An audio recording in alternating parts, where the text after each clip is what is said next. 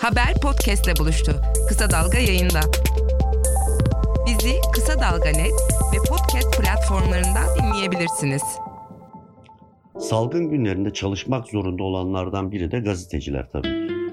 Bilgiye ulaşmanın güç olduğu ya da iktidar tarafından yapılan açıklamalara güvenilmediği, özellikle sosyal medya aracılığıyla çok sayıda yalan haberin yayıldığı bu günlerde gazetecilerin işi her zamankinden daha önemli hale geldi. İstanbul'da çalışan gazeteci Hilmi Acaloğlu, korona günlerinde sokakta haber yapma deneyimini ve sokaklardaki ruh halini şöyle anlatıyor.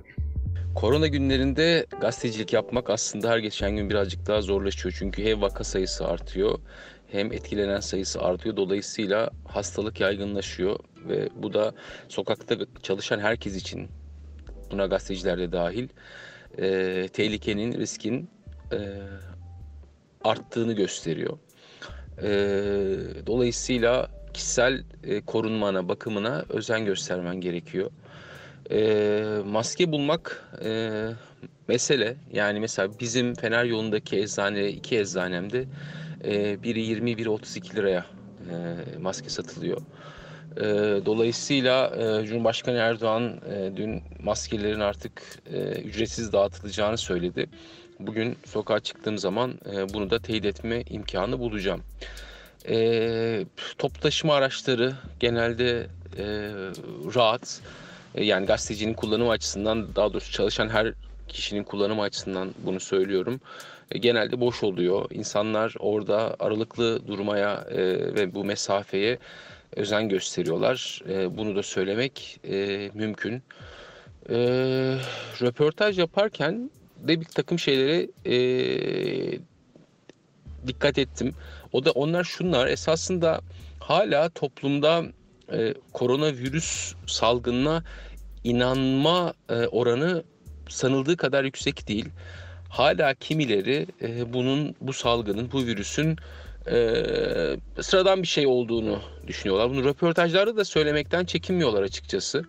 E, bence bu hepimizin asıl endişelenmesi gereken e, konuyu oluşturuyor. Çünkü yani televizyonlarda yapılan onca programlara rağmen, e, devlet yetkililerinin, hükümet yetkililerinin yaptığı tüm açıklamalara rağmen hala e, bir takım mekanizmalar işliyor ki insanlar e, bunun gerçekçi olmadığını e, söylüyorlar. E, ben mesela işte geçtiğimiz Perşembe günüydü Kadıköy Çarşı'da e, röportajlar yaptım. E, esnafın ciddi bir kısmı, balıkçı esnafının ciddi bir kısmı maskesizdi. Ve yani hani soru röportaj yaptığın zaman da Allah Allah'ın verdiği canı Allah alır şeklinde özetlenebilecek bir e, tarzda düşünüyorlardı ve bunu söyle, söylüyorlardı. Dolayısıyla e, bu da ciddi bir problem olarak e, önümüzde duruyor. E, şimdi tabii geçtiğimiz 10 günde havalar e, serindi, soğuktu, rüzgarlıydı. E, dolayısıyla insanlar sokağa zaten çıkmak çok istemiyorlardı. Fakat şimdi özellikle Perşembe gününden sonra e, havanın e, değişeceğini İstanbul'dan bahsediyorum. Çünkü hani hem ben İstanbul'da yaşıyorum hem de şu anda koronanın e, merkezi İstanbul gibi gözüküyor. E, hava sıcaklıklarının e, yükselmesiyle birlikte, havaların ısınmasıyla birlikte e, insanların daha çok sokağa çıkması ihtimal dahilinde. Bunu da e, düşünmek gerekiyor e, hava soğukken yani e, hatırlayın ilk zamanlar hava biraz sıcakken insanlar e, sokaklara hatta parklara, bahçelere, efendim deniz kenarlarına hücum etmiş. Zaten e, bu piknik alanlarının ve sahillerin kapatılması kararı da hemen bunun ardından gelmişti. E, dolayısıyla havalar sıcaklaştıkça insanları evde e, zapt etmek e, kolay olmayabilir. E, o da e, bir başka e, sorun olarak karşımızda e, duruyor, duracaktır. E, tabii sağlıklı veri alma konusunda e, sıkıntılar var. Hala yani bu hastalıkların e, yayılma periyodu ile ilgili rakamlar açıklanıyor ama e, bununla ilgili şeffaflık ne derece sağlanıyor? Ee, özellikle mesela Almanya ile mukayese edildiği zaman e, burada yeterli saydamlık olmadığını e, söyleyebiliriz. E, bu da bir gazeteci olarak beni ve herhalde meslektaşlarımı e, zorluyordur. E, benim gördüğüm bir başka nokta sokakta e, özellikle ciddi bir e, yoksulluk ve yoksunluk e, dikkatimi çekiyor. E, onu da şundan söylüyorum. E, yani sokakta yürürken eskisiyle mukayese edilmeyecek kadar çok insan e, para istiyor. E, canlı yayında röportaj yaparken dahi bu olabiliyor. E, dolayısıyla belki de kent yoksulları, yoksulları, sokak insanları bu süreçte daha bir görünür oldu. E, ben geçtiğimiz günlerde Kadıköy esnafıyla da konuştum. Daha sonra Kadıköy Belediyesi ile de konuştum. E, Kadıköy esnafı özellikle e, işte bu e, Beyoğlu son yıllarda özellikle gezi sonrası e, eski şaşalı günlerinden e, uzaklaştığı için birazcık daha eğlence hayatı, e, kültürel hayat e, Anadolu yakasında Kadıköy'e doğru kaymıştı. Kadıköy merkeze doğru kaymıştı. Oradaki üç dernekten biri olan esnafın örgütlendiği diyelim, üç dernekten biri olan Modeder'le konuştuğumda e, bu üç derneğin yani bunlar daha çok Kadıköy merkezde örgütlü e, yaklaşık 2000 e, işletmenin bulunduğu ve yaklaşık 5000 kişi istihdam ettiklerini söylüyorlardı ve e, açıklanan tedbir paketlerine e, neredeyse hemen hemen hiç kimsenin erişemediğini, koşartlara uyum sağlayamadıklarından yakınıyorlardı ve e, bununla ilgili e, herkesi kapsayan düzenlemeler yapılması gerektiğini söylüyorlardı. E, sonrasında e, Kadıköy Belediyesi ile de görüştüm. Onlar da tüm Kadıköy'de e, 4472 e, yanlış bilmiyorsam yani neredeyse 4500'e yakın e, işletmenin kapatıldığını e, söylemişlerdi. Dolayısıyla o insanların da ciddi bölümü işsiz, kimi ücretsiz olarak izne ayrıldı, kimi bir şekilde işletme sahipleri tarafından çeşitli biçimlerde destekleniyor ama eğer bu korona salgını daha uzun vadeli olursa yani şu anda hayal edilenin ötesinde yani Haziran'a Temmuz'a e, sarkarsa e, o zaman e, ekonomik ekonomik sıkıntıları e, çok daha yakıcı olacak insanlar için ve ekonomi meselesini e, daha çok konuşmak zorunda kalabiliriz. Bu arada bazı gazeteciler Covid-19'a yakalandı. Gazeteci örgütleri medya patronlarını salgına karşı önlem almaya çağırdı. Ama kötü örnekler yaşandı. Bazı medya kuruluşlarından salgına karşı önlem isteyen çalışanlara karşı mobbing uygulandığı, toplu işten çıkarmalar yaşandığı haberleri geldi. Sahada çalışan muhabir ve kameramanlar bir televizyon binasına sokulmadı örneğin. Muhabir ve kameramanların onur kırıcı biçimde CNN Türk'ün bahçesine konulan konteynerde çalışmaya zorlanması büyük tepki çekti. Tabii tüm örneklerde böyle değildi. Uzun yıllar NTV'de haber kameramanlığı yapan Cumhur Çatkaya hem sahada çalışırken kendi aldığı önlemleri hem de kurumunun aldığı önlemleri bizle şöyle paylaştı. Ee, Covid-19 salgınıyla e, sahadaki pratiklerimizde önemli değişiklikler olduğunu söyleyebilirim. Gerçekten e, tarihi bir olaya tanıklık ediyoruz ve bu anlamda bir gazeteciler için de çok ciddi bir sınav olduğunu düşünüyorum. Hem kendimiz açısından hem ülkemiz ve genel olarak dünya açısından çok ciddi kazanımlar elde edebiliriz bu durumdan. Hepimiz bundan bir şekilde elde e, etkilemeyecek durumdayız. Toplu taşımayı kullanıyoruz. Bir şekilde sokağa çıkıyoruz. İnsanlarla bir şekilde temas ediyoruz. Tabii ki önlemleri biliyoruz ve almaya çalışıyoruz ama bu türlü olaylarda hakikaten neyin, ne zaman, nasıl geleceğinin belli olmadığı olaylar yaşıyoruz. Evde kalmak gibi lüks olmayan bir işimiz var. Sahada yapılan bir iş. Öncelikle kişisel tedbirlerimizle başlayayım. Tabii ki hepimiz maske ve eldivenlerle çalışıyoruz. İşe çıktığımız ekipmanlarımızı iş öncesi ve sonrası dezenfekte ediyoruz. Sıkıntılı alanlardan mümkün mertebe korunmaya çalışıyoruz. Tüm çabalarımıza rağmen e, tabii ki pozitif e, testlere pozitif çıkan meslektaşlarımız oldu. Mesai düzenimizde değişiklikler yaptık. E, çalışan sayımızı azaltıp 3 çift hane getirdik. Bizim çalışma sistemimiz. Genelde konuştuğum diğer televizyon ve gazetelerde çalışan meslektaşların daha kötü koşullarda çalıştığını söyleyebilirim. Bu dönemde haberlerimizin çoğunu e, sosyal medya kanalları üzerinden elde ediyoruz. Özellikle uzman görüşlerini Skype ve Zoom gibi uygulamaları kullanarak alıyoruz. Çalıştığımız kurumların aldığı tedbirler var. Bina girişinde e, termal kamera kontrolü ve sürekli irtibatta olduğumuz bir verimiz var. Kendimizi dinliyoruz, takip ediyoruz. Haber araçlarımızı düzenli olarak solüsyonla temizleniyor. Bina içinde özellikle siperli maskeler kullanıyoruz. Tabi bu süreçte e, beni en fazla kaygılandıran tek şey ise eve döndükten sonra virüsü aileme taşıma ihtimalim. Bu nedenle ve gelir gelmez duş alıp kıyafetlerimi yıkamaya atıyorum. Telefon ve diğer kişisel eşyalarımı temizliyorum. Odamdan çok fazla çıkmamaya ve evdekilerle mesafemi korumaya özen gösteriyorum. İş yerimizde bir yemekhanemiz yok. Ee, bu dönemde kahvaltı ve diğer öğünlerimizi evden getiriyoruz. İçeride ve dışarıda sosyal mesafeyi koruyoruz. İşimizi e, bu dönemde en kolaylaştıran şey evde kal uyarılarına kısmen uyan İstanbul'un e, trafikte olmaması. Çok hoşumuza gidiyor. İşi çok rahat ulaşıyoruz her yere. E, bu salgından sonra e, içinde bulunduğumuz medya düzeninde de değişiklikler olacağını düşünüyorum. E, sosyal medya içeriklerinin daha öne çıkacağını düşünüyorum. E, bir an önce bu salgının bitmesini temenni ediyorum. Cumhuriyet Gazetesi'nin foto muhabiri Vedat Arık ise tarihi bir dönem yaşandığını, bu döneme tanıklık etmek gerektiğini söylüyor.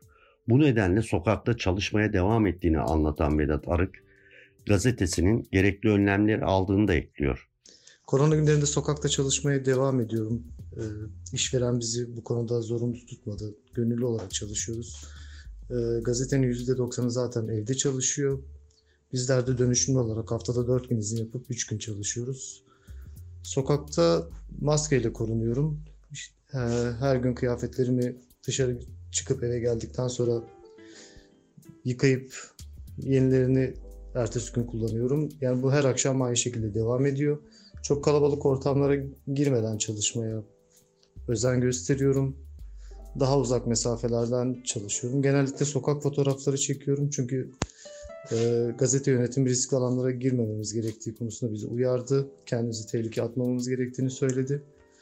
E, ekstra korunmak için yine gazete e, bir takım maskeler ve koruyucu kıyafetler aldı. Bunlar daha zor günlerde işimize yarar diye. Onun haricinde mesai için çok büyük bir sıkıntı yaratmıyorlar. İstediğim zaman işe gidip istediğim zaman çıkıp dönebiliyorum. Ee, bu dönemde gazetecilik yapmazsam olmazdı. O yüzden gönüllü olarak çıkıp çalışıyorum. Yani böyle bir günde evde oturmak tarihin böyle bir döneminde bana saçma gelmişti. Hayata kulak ver. Kulağını sokağa aç. Haberi duy. Haber podcastle buluştu. Kısa Dalga Podcast. Medyanın %90'ından fazlası iktidarın doğrudan elinde ya da ona biat etmiş durumda. Ancak direnen birkaç mecra var. Bunlardan biri de Tele1 televizyonu. Bu nedenle de başı sık sık iktidarla ve rütükle belaya giriyor. Kanalın genel yayın yönetmeni Merdan Yanardağ virüse karşı ne önlemler aldığını sorduk. Biz de koronavirüse karşı e, mücadele için iş yerimizde gerekli önlemleri almaya çalıştık. Başından itibaren almaya çalıştık. E, bizim için öncelikli olan arkadaşlarımızın e, güvenliğini sağlamaktı, sağlıklarını korumaktı. Bu nedenle çok erken hareket ettik. İş yerini düzenli olarak dezenfekte ettiriyoruz. İş yerinin girişinde, kanalın, televizyon kanalının girişinde arkadaşlarımıza ücretsiz şekilde maske ve eldiven dağıtıyoruz. Ayrıca her masada dezenfekte edici e, losyon var. Ee, önemli bir e, adım olarak da arkadaşlarımızın e, büyük kısmının evde çalışmasını sağlayacak bir altyapı oluşturduk. Böyle bir network var. E, dolayısıyla e, arkadaşlarımızın e, yüzde yetmişi evden çalışıyor. Bu düzeni kurduk. Özellikle webde çalışan arkadaşlar, haber merkezindeki editörler, gerekli erişimlerini evdeki bilgisayarlarıyla iş yerindeki server bağlantılarını kurduk ve dolayısıyla hem gündemi takip edebiliyorlar, ajanslara erişebiliyorlar, görüntülere erişebiliyorlar ve sanal toplantılar yapabiliyoruz video konferans aracılığıyla. Ama e, işimiz gereği e, toplumun çeşitli kesimleriyle sürekli irtibat halindeyiz. Özellikle sahada çalışan arkadaşlarımız e, çeşitli toplum kesimleriyle haber peşinde e, koşarken e, temas halindeler. Basın toplantıları, röportajlar, bağlantılar ve gel, buraya gelmesi yani kanal binasına, ana binaya gelmek zorunda olan arkadaşlarımız var. Reji e, ekibi gibi, sunucu arkadaşlarımız ve programcı arkadaşlarımız gibi. Onların da güvenliğini en üst düzeyde sağlamaya çalışıyoruz. Yanardağ neden çalışmak zorunda olduklarını ise şöyle açıklıyor. Ama esas olan e, durum şu, biz e, çalışmak durumunda e, bulunan e, ender e, iş kollarından birinde bulunuyoruz. İş kollarından birinde e, görev yapıyoruz. E, bir toplumsal hizmet, bir kamusal hizmet diye değerlendirilebilir. Çünkü e, gerçek bilgiyi, doğru bilgiyi topluma ulaştırmak ve e, koronavirüs gibi bir e, yıkıcı salgına karşı bir toplumsal dayanışmayı e, büyütmek ve geliştirmek için e, medyanın önemli bir görevinin olduğunu, önemli bir rolünün olduğunu düşünüyoruz. Bu rolü, bu görevi yerine getirmek, bu rolün gereğini yapmak için çalışmak durumundayız ama yüksek risk altındaki kesimlerden biri, birini oluşturuyoruz. Bunun da farkındayız. Bu nedenle biz e, toplumsal dayanışmayı geliştirecek, e, halka doğru ve gerçek bilgiyi ulaştıracak bir iş yapmanın e, bir görevi yerine getirmenin sorumluluğuyla arkadaşlarımızın güvenliğini e, sağlayıcı önlemleri almanın bir dengesini kurmaya çalıştığımızı söyleyebilirim. Öncelikli olan arkadaşlarımızın, çalışanların e, sağlıkları ve güvenlikleridir diyoruz. Gazetecilik yapmanın normal koşullarda bile çok güç olduğu Diyarbakır'dayız. Gazeteci Sedat Yılmaz, Diyarbakır'da gazeteciliğin korona günlerini anlattı. E, açıkçası şunu söylemek gerekiyor. Yani bütün dünyada ve Türkiye'nin tamamında meslektaşlarımızın çalışma koşulları nasıl etkilendiyse biz de benzer durumlarda bir zorlukla karşı karşıyayız. Çalışma koşullarında, sistemde, korunmada, ee, ve benzeri durumları sıralarsak ancak bölgenin kendisine dair bazı özgün koşulları vardır. Ee, bu bizim işimizi biraz daha zorlaştıran bir durum. Ee, takdir edersiniz taşra kentleri küçük ve e, siz her zaman daha fazla göz önündesiniz yaptığınız her iş.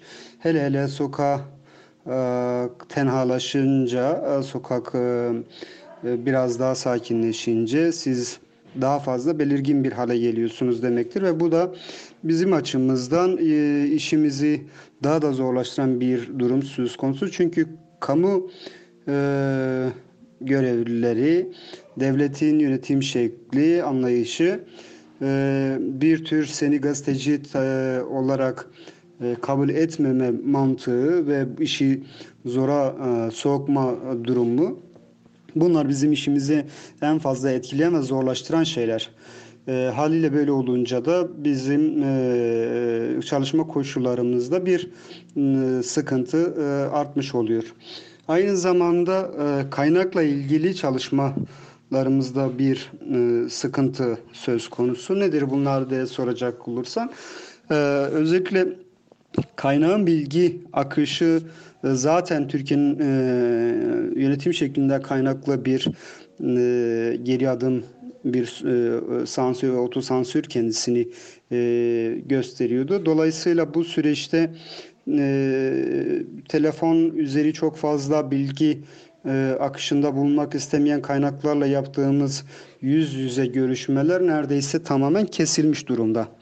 E, ve dolayısıyla bu bizim e, işimizi daha da zora sokmuş bulunuyor. Çünkü yüz yüze e, bir görüşme yapamadığımız zaman e, teknik iletişim araçlarını kullanmamız gerekiyor. Birçok kaynak bu yöntemi tercih etmiyor. Sedat Yılmaz korona günlerinde başvurmak zorunda kaldıkları yeni teknolojiye özellikle haber kaynaklarının yabancı olmasının büyük problem yarattığını söylüyor. Yine e, şunu belirtmek gerekiyor. Bölgenin kendi koşullarından kaynaklı insanların e, teknikle e, henüz çok fazla e, içli dışlı olmamasından kaynaklı zorluklar çıkıyor. Örneğin e, yaptığımız e, görüşmeler Skype'i e, Telegram, e, WhatsApp e, ve benzeri e, programları kullanma gereksimi hissediyoruz. Dolayısıyla bölgedeki insanlar evet bazı bunları e, kullanıyor olsa da bu e, çok yaygın değil. E, haber kaynakların birçoğunda bunlar yaygın değil. E, akıllı telefon kullanmayan insanlar henüz olduğunu söylemek gerekiyor. Ve dolayısıyla bir yandan da insanlarla yaptığımız e, görüşmelerde, kaynakla yaptığımız görüşmelerde bu teknik bilgi eksikliği bizim işimizi biraz daha katlıyor. Çünkü biz e, aynı zamanda kaynağımıza bu sefer teknik bilgi e, sağlamak durumunda kalıyoruz. Yani bir nevi teknik servis hizmeti vermeye başlıyoruz. İşte örneğin Skype'i nasıl yükleyeceklerini ya da WhatsApp'ı nasıl aktif hale getireceklerini veya da Telegram'ın ne olduğunu falan işte bunu anlatıp kurdurup sonra onunla iletişime geçme gibi gibi e, durumlar ya da işte e, görüntülü konuşmalarda e, kaynağımıza e, kadrajda ki durumu anlatma, nereden durması gerektiği, arka fonun nasıl olması gerektiği gibi bunlar belki e, meslek dışındaki insanlara biraz garip gelebilir ama biz meslek olarak bunlara alışığız. Bunları ayarlatmak zorunda kalıyoruz vesaire. Haliyle bizim bu çalışma koşullarımız bunlardan ibarettir. Gittikçe zorlaşan ve daha da hmm, nereye gideceğini bilmediğimiz bir e, durumla karşı karşıyayız. E, tabii bu konu e, durumu şöyle de e, aktarmak gerekiyor. Özellikle e, bilgi aktarma, bilgi verme, kaynaktan gelen bilgi e, kısıtlıydı. Daha da kısıtlı bir hale geldiğini bir daha vurgulamakta fayda var. Diyarbakırlı gazetecilerin kendilerini korumak için yeterli aparatlara sahip olmadığını anlatan Sedat Yılmaz, koronavirüsüne ilişkin bölgeye yönelik izlenimlerini ise şöyle aktardı. Bölgenin e, şöyle söyleyeyim yani eşitsiz ve düşük gelirli olmasından kaynaklı insanların evde kal meselesi e, biraz daha zor. Çünkü asgari ücretin altında burada insanlar çalışıyor e, ve dolayısıyla bırakın iş bulmayı yani çok çok zor koşullarda bulunan bir işi de kimse çabuk çabuk kaybetmek ve evine ekmek götürme derdi telaşı e, olduğu için e, çıkmak zorunda kalıyorlar. Bu haliyle sokaklarda insanların varlığını e, etkiliyor. Yaz koşullarının gelmesinden kaynaklı bir hareketlilik var ki ben bundan çok korkuyorum. havalar ısındıkça insanlar kendisini temiz havaya teslim ediyormuş anlayışı güneşlenme, güneşe çıkma, park ve bahçelere çıkma gibi bir alışkanlık ki bölge halkında bu yaygın bir durumdur. Bu beni ciddi anlamda korkutuyor. Havalar ısındıkça insanların sokağa çıkma alışkanlığı fazlasıyla artacak.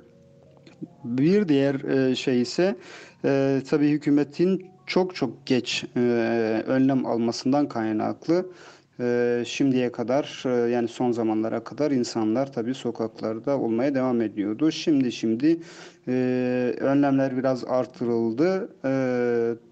E, tabii bu altyapısı e, hazırlanmamış, güçlenmemiş e, bir e, önlemden bahsediyoruz. Yani evde kal derken ekmeğini nasıl götürecek, suyunu nasıl götürecek, faturasını nasıl ödeyecek, e, ne yiyecek ne içecek gibi sorunlar havada kalıyor. Dolayısıyla bu geç e, alınmış önlemler e, zaten birçok insan e, ya enfekte olmuştur ya da enfeksiyonu yaymaya, salgını yaymaya meyimli, müsait bir hale geldiğini söyleyebilirim. Yerel basının çok güçlü olduğu illerden biri Bursa. Bursalı gazetecilerin koronavirüse karşı aldığı önlemleri ise Çağdaş Gazeteciler Derneği Bursa Şubesi yöneticilerinden Rabia Deniz'e sorduk. Türkiye'de yeni tip koronavirüsün e, etkisi günden güne artarken e, kamu görevi yapan biz gazeteciler bu mücadelede en önemli ve en riskli rollerden birini üstleniyoruz aslına bakarsanız. Bu süreçte yayımlanan genelgelerle kamu ve özel sektörde çalışanlar için evden çalışma, nöbetçi ve vardiya gibi çalışma modeline geçilirken üzülerek tanık oluyoruz ki basın çalışanlarıyla alakalı herhangi bir önlem alınmış değil. E, bu dönemde basın çalışanlarının önümüzdeki süreçteki habere ulaşma, kamuoyuna ulaşma Ulaştırma koşulları ve iş güvencesiyle ilgili iletişim başkanlığına yönelttiğimiz sorulara ne yazık ki e, bir dönüş alamıyoruz. Meslektaşlarımız adına endişeliyiz. Özellikle sahadaki meslektaşlarımız adına endişeliyiz. Yaşadığımız süreç gösteriyor ki endişemizde hiç de haksız sayılmayız. Çünkü e, koronavirüsün Türkiye'de ilk görülmeye başladığı andan itibaren e, bunun örneklerini gördük. En görünür örneği ise CNN Türk yönetiminin 16 gazetecinin binaya girişini e, yasaklaması, e, bireysel ihtiyaçlarına dahil e, izin vermemesiydi. Bursa'da dahil her sabah yüzlerce basın emekçisi topluca mesai yapmaktaydı bu süre içerisinde. Bu süreçte yine basın çalışanlarıyla ilgili bir düzenlemenin gerekli olduğunu altını çizmiştik bizler ÇGD Bursa Şubesi olarak ve her gün virüse yakalanan insan sayısı artarken meslektaşlarımızın çalışma ortamlarının hijyen hale getirilmesini, evden çalışma imkanı olan meslektaşlarımızın ise iş yerine gelmesinin zorunlu tutulmamasını istemiştik. Bunun yanı sıra emek sömürüsünün değil, e, sağlığı önceleyen bir iş yeri politikası, vicdanı ve vizyonu beklediğimizi dile getirmiştik medya patronlarından ve medya yöneticilerinden. Bu basın açıklamasının ardından e, çok geçmeden e, Bursa'da yayın yapan gazete ve internet haber sitelerinde evden çalışılma e, modeline geçildiği bilgisini aldık üyelerimizden. E, bunun yanı sıra televizyonlarda e, muhabir ve kameramanların nöbetleşme çalışma sistemine geçtiği e, bilgisini aldık yine. Koronavirüsle mücadele günlerinde habere ulaşma ve kamuoyuna ulaştırma konusunda sahada görev yapan meslektaşlarımızın önce kendilerini koruması gerektiği e, ve bu bilinçli olmaları gerektiğini belirtmiştik. Bundan hareketle enfekte olmuş bir alana gitmeden oradayken ve ayrıldıktan sonra e, gazetecileri meslektaşlarımızın e, önlemlerini almaları için dayanışma halinde olduğumuzu belirtmiştik. Bununla ilgili de Bursa basınının sahadaki temsilcileri e, halk habersiz kalmasın diye görevinin başında e, meslektaşlarımıza ilettiğimiz koruyucu malzemeler var. Sahada görev yapan kameraman ve muhabir arkadaşlarımıza e, maske eldivenden oluşan e, koruyucu malzemelerin teminini hafta başından itibaren yaptık ve yapmaya da devam ediyoruz. Medya patronlarına koronavirüs bahane edilerek emek sömürüsü ve işten çıkarmadan kaçınmaları çağrısı yapan ÇGD yöneticisi Rabia Deniz'in gazetecilere bir başka uyarısı da var. Bir çağrımız da editör, yayın yönetmeni ve sorumlu müdürlere e, virüsle ilgili her geçen gün yüzlerce haber yayınlanıyor. E, sosyal medyadaki bilgi kirliliğinin yanı sıra gazeteciliğin de gazetecilerin de doğruluğu kesin olmayan, halkın yanılmasına sebep olan yayınlar yaptığını üzülerek şahit oluyoruz. Gerel e, gerek e, ana akım medyada gerek yerel medyada sürecin kaosa sürüklenmemesi adına bilgiye ulaşma, kamuoyuna yayma konusunda her birimize ciddi sorumluluklar düşüyor. Gazeteci e, gazetecilerin öncelikli görevi siyasilerin çıkarlarını korumaktansa toplum sağlığını e, önceleyen toplum sağlığı adına doğruyu ve bilimi esas alan sorumlu habercilik yapmaktır. Türkiye'de gazetecilerin işi zaten zordu. Salgın günlerinde iş daha da zorlaştı. Gazeteciler kamuoyuna doğru bilgi ulaştırmaya çalışırken yine baskı altındaydı. Bu süreçte koronavirüs haberi yaptığı, sosyal medyada iktidarın salgın politikasını eleştirdiği, hatta espri yaptığı için gazeteciler gözaltına alındı. Tutuklandı bile. Gözaltına alınan gazetecilerden biri de Hakan Gülseven'di. Gülseven e, Erdoğan'ın e, yardım çağrısını eleştirdiği e, bir tweet nedeniyle gözaltına alındı. Hakan Gülseven bu süreci kısa dalgaya şöyle anlattı. Geçtiğimiz günlerde Tayyip Erdoğan'ın çıkıp açıklama yapması ve halktan bağış istemesi üzerine e, Twitter'da, Twitter hesabımdan e, bir paylaşımda bulundum. Sonuna da zırnık yok diye ekledim. E, paylaşım esas olarak devletin topladığı vergilerden e, şu anda yaşamakta olduğumuz salgın hastalık krizini finanse etmek, etmesi gerektiği üzerineydi. E, bunun üzerine e, ertesi gün terörle mücadele polisleri evime geldi ve beni ifadeye götürmek istediklerini söylediler. E, gerekçesi bu zırnık yok e, paylaşımıymış. Gittik. Bir siber tim varmış. Bizi takip edermiş. Bu siber tim e, sosyal medya paylaşımlarımı e, toparlamış, bir dosya haline getirmiş, terörle mücadeleye göndermiş. Onlar da beni e, ifademi almak üzere götüreceklerini söylediler. Gittik. Gittik fakat sosyal medya paylaşımlarımda herhangi bir suç unsuru yoktu. Zaten son derece dikkatli yazıyoruz hepimiz. Ee, para vermeme, zırlık yok deme hakkımın bir anayasal hak olduğunu söyledim ifademde. İnsanları para vermemeye çağırmanın da son derece e, normal, e, yine anayasal hak olduğunu söyledim. Aslında polisler de neyle suçlayacaklarını bilemiyorlardı. Savcılık bile devreye girmedi. Esasen bu e, gözaltına alma, terörle mücadelenin ekiplerinin kapıya gelmesi e, tamamen muhalif insanların susturma operasyonunun bir parçası. Biz de daha önce işte e, çeşitli defalar gazetecilik faaliyetlerinden dolayı e,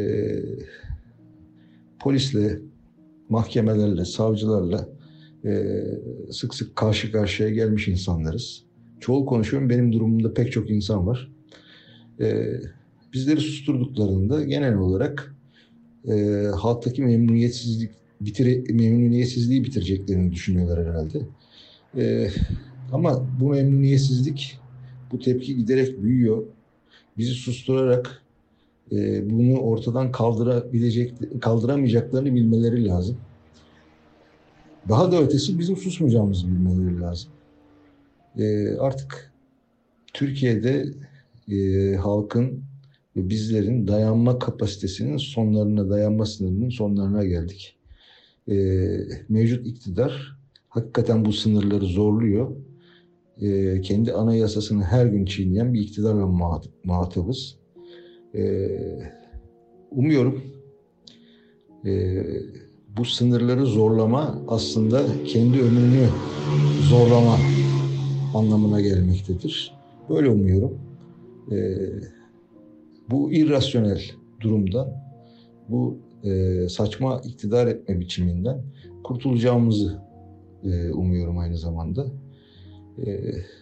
Bakalım önümüzdeki günler ne getirecek. Fakat ben kendi adıma susmayacağımı söyleyebilirim. Benim gibi insanlar da artık susan sustu. Bundan sonra susacak bir tane insan kalmadı. Biz susmayacağız. Devam edeceğiz. Evet, Türkiye'de gazetecilik zor iş, zor zanaat. Gazeteciler bir yandan haberleri artık kısıtlı olan olanaklarından okuyucuya, izleyiciye, dinleyiciye aktarmaya, bir yandan da iktidar baskısıyla baş etmeye çalışıyor. Gazeteciler bir yandan da hapishanelerdeki meslektaşlarının serbest bırakılması için kampanyalar düzenliyor. Bu programı dinleyemeyecek tabii ki hapishanelerdeki gazeteciler. Salgının hapishanelere sıçraması bir felakete neden olabilir. İktidar ısrarla aralarında gazetecilerin de bulunduğu siyasi tutukluları serbest bırakmamak için direniyor. Hatta Hakan Aygün örneğinde olduğu gibi aralarına yenilerini ekliyor. Hapishanelerde hiçbir gazetenin, hiçbir gazetecinin ve siyasi tutuklunun kalmaması dileğiyle. Bizi Kısa Dalga Net ve podcast platformlarından dinleyebilirsiniz.